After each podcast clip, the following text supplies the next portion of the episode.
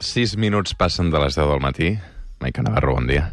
Vull la Rosalia de banda sonora de la meva secció. Ho acabo de Jo decidir. també la vull de col·laboradora d'aquest programa. Té una oferta, però s'ho està pensant de cara a De l'any que Sant ve. Esteve de Ser Rovires. Saps què he somiat avui? No, un moment, un No, no, moment. no, espera, un espera, moment. espera, no, que un... és molt- no és molt tanca-li el interessant. micròfon. Tanca-li el micròfon. Careta.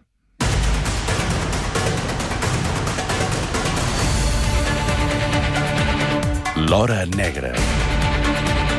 No pots tractar així els tècnics, eh? Què vol dir això, donar aquestes Mira, ordres? a- el Fran... D'aquesta manera, el Fran, que debuta avui i que ho està fent sensacionalment bé. Doncs per això. Debuta avui amb el suplement, Pareix eh? vull bastant dir. més guapo que tu, no sé per què... Ah, Està... això sí. De fet, jo el Fran el portaria aquí dins a l'estudi. I a tu et fotria fora al carrer. No, no sé si te'n sortiries, per això. Ah! Um! ara m'he fet gràcia. Què has somiat avui, Ara no? m'he fet gràcia a mi mateix, no? Sí, no, però...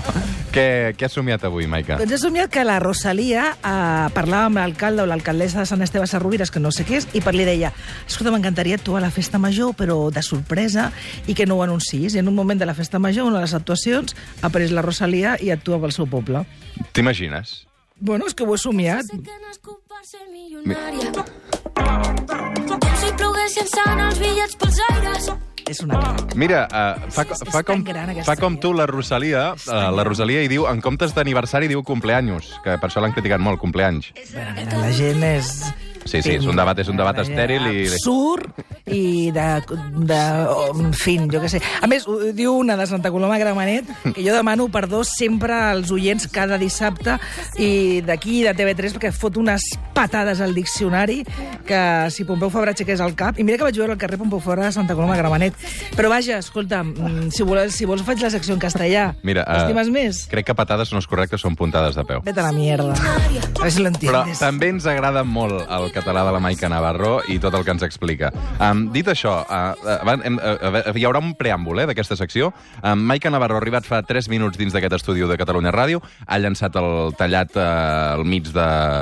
Uh, Bueno, clar, si la gent sapigués el que és un tallat a Catalunya Ràdio, també el tiraríem pel... també el llançaria. Que no ho he fet volent, eh? Però està vaja. la màquina. Primer el que he fet ha sigut preguntar qui era el nou tècnic que teníem avui. Perdona. el Fran López. Això. Això és el primer que he fet. Però ara estàs dient... és igual. Um, no, És perquè que ara... li fa molta ràbia No, tenir però l'Albert Cots- competència. l'Albert Cots, ara, fa pobre- molta ràbia. Pobre, portem tota la Sí. temporada amb l'Albert Cots, que està de vacances i no t'hi has fixat. Pues el machito eh, dominante li fa molta ràbia. Alça-la, vinga. Alça-la. Vinga. Machito dominante tampoco, no entra. Tampoc, tampoc. Com, com va anar al Cruïlla? Vete a la mierda. Tampoc vas anar al és Cruïlla. horrible, o sigui, és...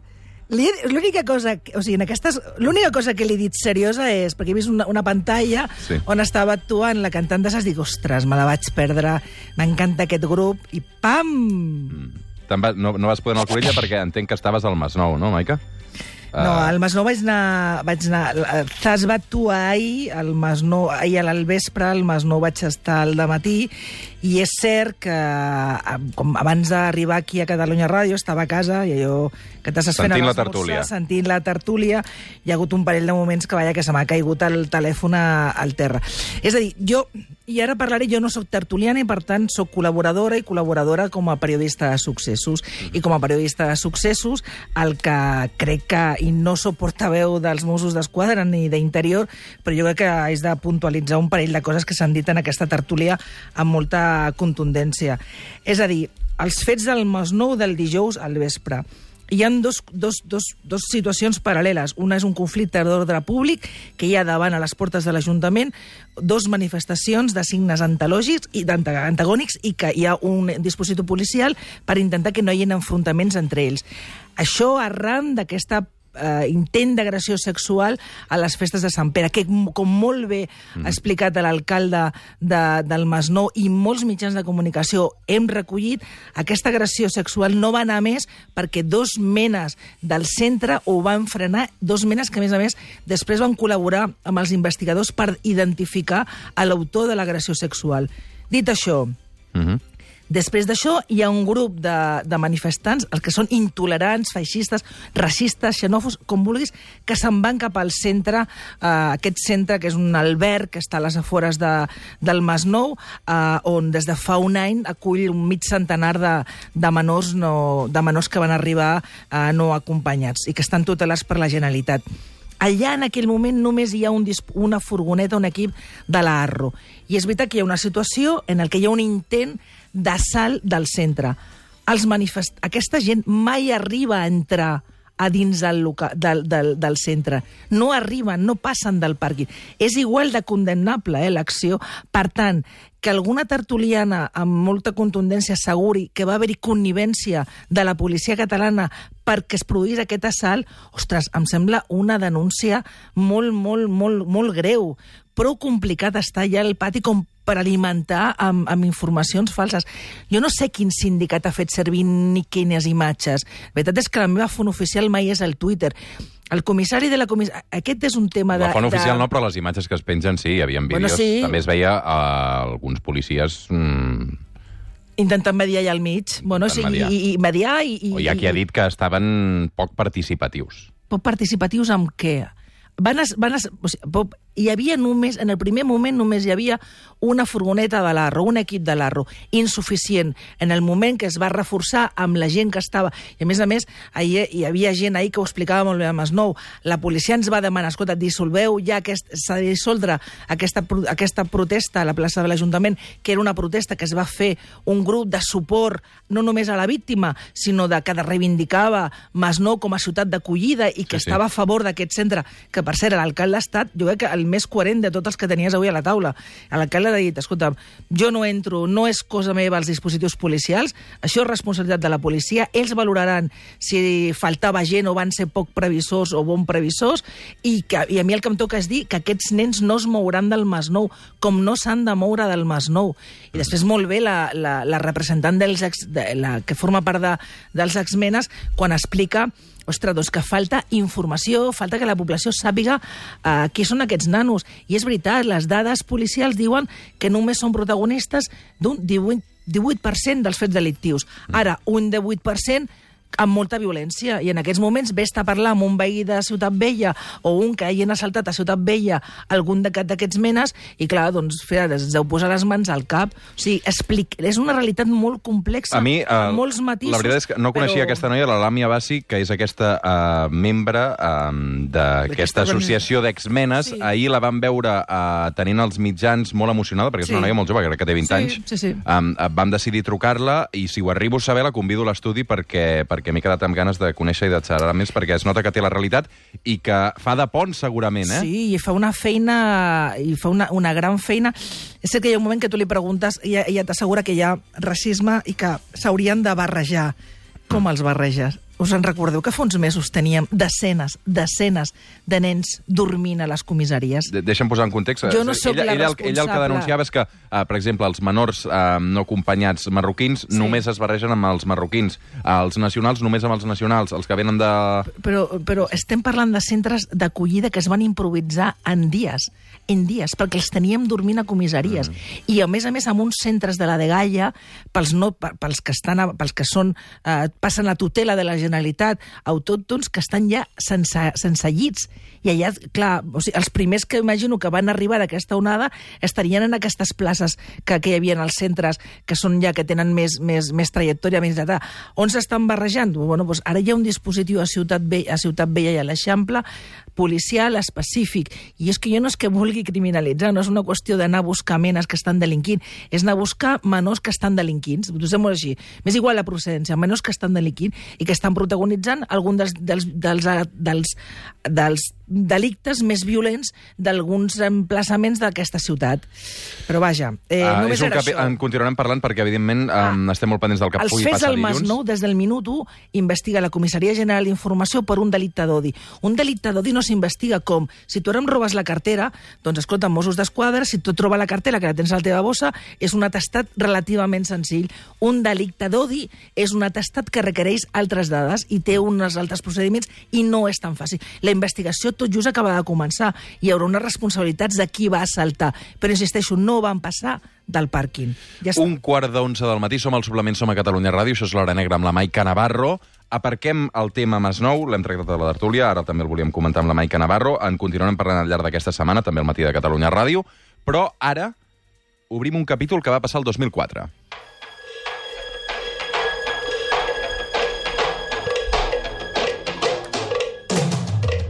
Avui amb la Maica Navarro tirem de Maroteca, ens remuntem al 27 de setembre de 2004, dia en què Anna Permanyer va desaparèixer sense deixar cap rastre. Qui era Anna Permanyer, Maica Navarro? Era una... O sigui, ara mateix he tingut un flash de, de la fotografia que, que ens va deixar el seu, el seu home en aquestes dues primeres setmanes que, que havia desaparegut. Hi havia tota la, tot el dispositiu de, de recerca, una dona guapíssima, molt atractiva, 53 anys, amb una melena eh, rosa, amb el cabell ondulat. Era, era una psicòloga eh, tenia en aquell moment quatre fills i 50, 53, 53 anys. Tenia un pis molt a prop d'aquí la ràdio. Eh? Ah, sí, a la, aquí a la Torre, la torre Atalaya. Jo en aquell moment Atalaya. treballava al, al Periòdic de Catalunya, però recordo haver vingut... Bueno, aquí és un edifici de... Jo imagino que en el seu moment... Això és l'encreuament entre l'Avinguda Sarrià i Diagonal. i que en els, primer, en els moments que s'havia construït devia ser d'aquests primers rascacels rat, Gratacels. gratacels que hi havia, que hi havia a la ciutat, la, la Torre Talella. I allà, tot i que vivia amb la, amb la seva família, en una casa molt, molt maca, en un altre indret de la ciutat, tenia un pis en aquesta, en aquesta Torre Talella, concretament a la, al pis número 18, i era un apartament que el tenia llogat. Llogat a l'Anna.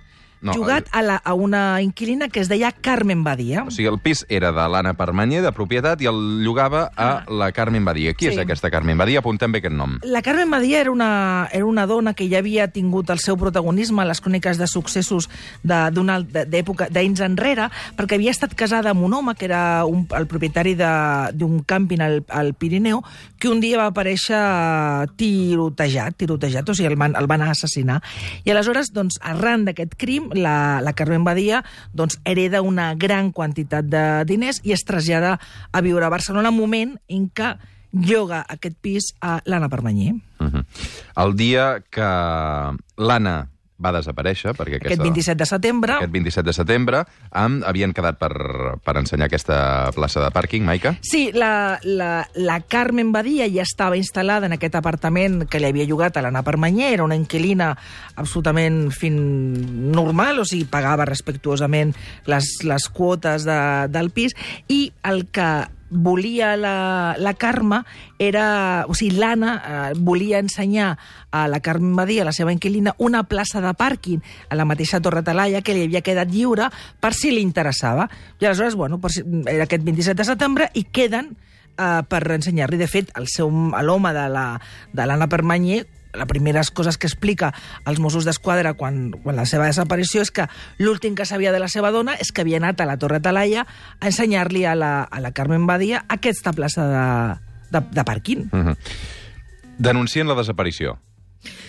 Sí, eh, denuncia la desaparició, i, perquè, a més a més, eh, quan hi ha... En aquests primers moments, i sobretot en aquella època, que segurament la, la, la policia, cap de les policies tenien encara tan ben establerts com en aquests moments els protocols de, de, de, per, per desapareguts, el que aquest home arriba a, arriba a la policia i el que explica és que bueno, doncs que la seva dona ha tingut aquesta cita i que ha desaparegut. En la, a, a la Torre Talaia havia un porter, ningú l'havia vist, és com si si hagués desaparegut en l'interior, és com si la Torre Talaia se l'hagués menjat, o sigui, s'havia esfumat allà dins. Eh, comencen, evidentment, com pots imaginar, a tota la família Permanyer, abans d'anar a la policia, a piquen porta per porta als desenes de veïns d'aquella Torre Talaia i quan, i quan no hi havia, doncs esperen, o sigui, havia, havia, havia desaparegut, o sigui... Mm -hmm. Molt bé. La policia investiga aquesta desaparició de l'Anna Permanyer. En principi no se sap si és voluntària o no és voluntària. Dues setmanes després, el dia 10 d'octubre del 2004, el cas fa un gir, apareix un cadàver en una zona boscosa de Sitges. Sí, eh, un cadàver que, que, a més a més, estava lligat amb un cable elèctric de, cor, de, color, de color vermell i embolicat amb, amb, amb un llençol, i és molt important que abans no t'ho havia dit, que en aquests pr- primers moments el que explica, amb aquests dubtes de si ella hagués pogut marxar voluntàriament o no, el marit, el que sí que explicava era que era una família absolutament normal, que no havia passat res en les últimes hores o dies uh -huh. que, pen, que fes pensar d'una fugida voluntària, d'una decisió de, de, de, de suïcidi, sinó que... I que, a més a més, era una dona que no tenia cap, cap, cap enemic. Uh, el cos, aquest que es troba a Sitges, uh, s'identifica ràpidament com el de, com el de l'Anna Permanyer i el que, i el que es determina la- l'autòpsia és que se, li va, se, se la va agredir el seu assassí, els seus assassins l'havien agredit amb un objecte contundent i un cop inconscient li havien lligat una bossa de plàstic al cap amb la que havia mort asfixiada. Atenció, perquè això és molt important. Eh? Cinc dies després de trobar el cadàver, el 15 d'octubre del 2004, la inquilina del pis de l'Anna va entregar a la policia un contracte per comprar el pis. Eh?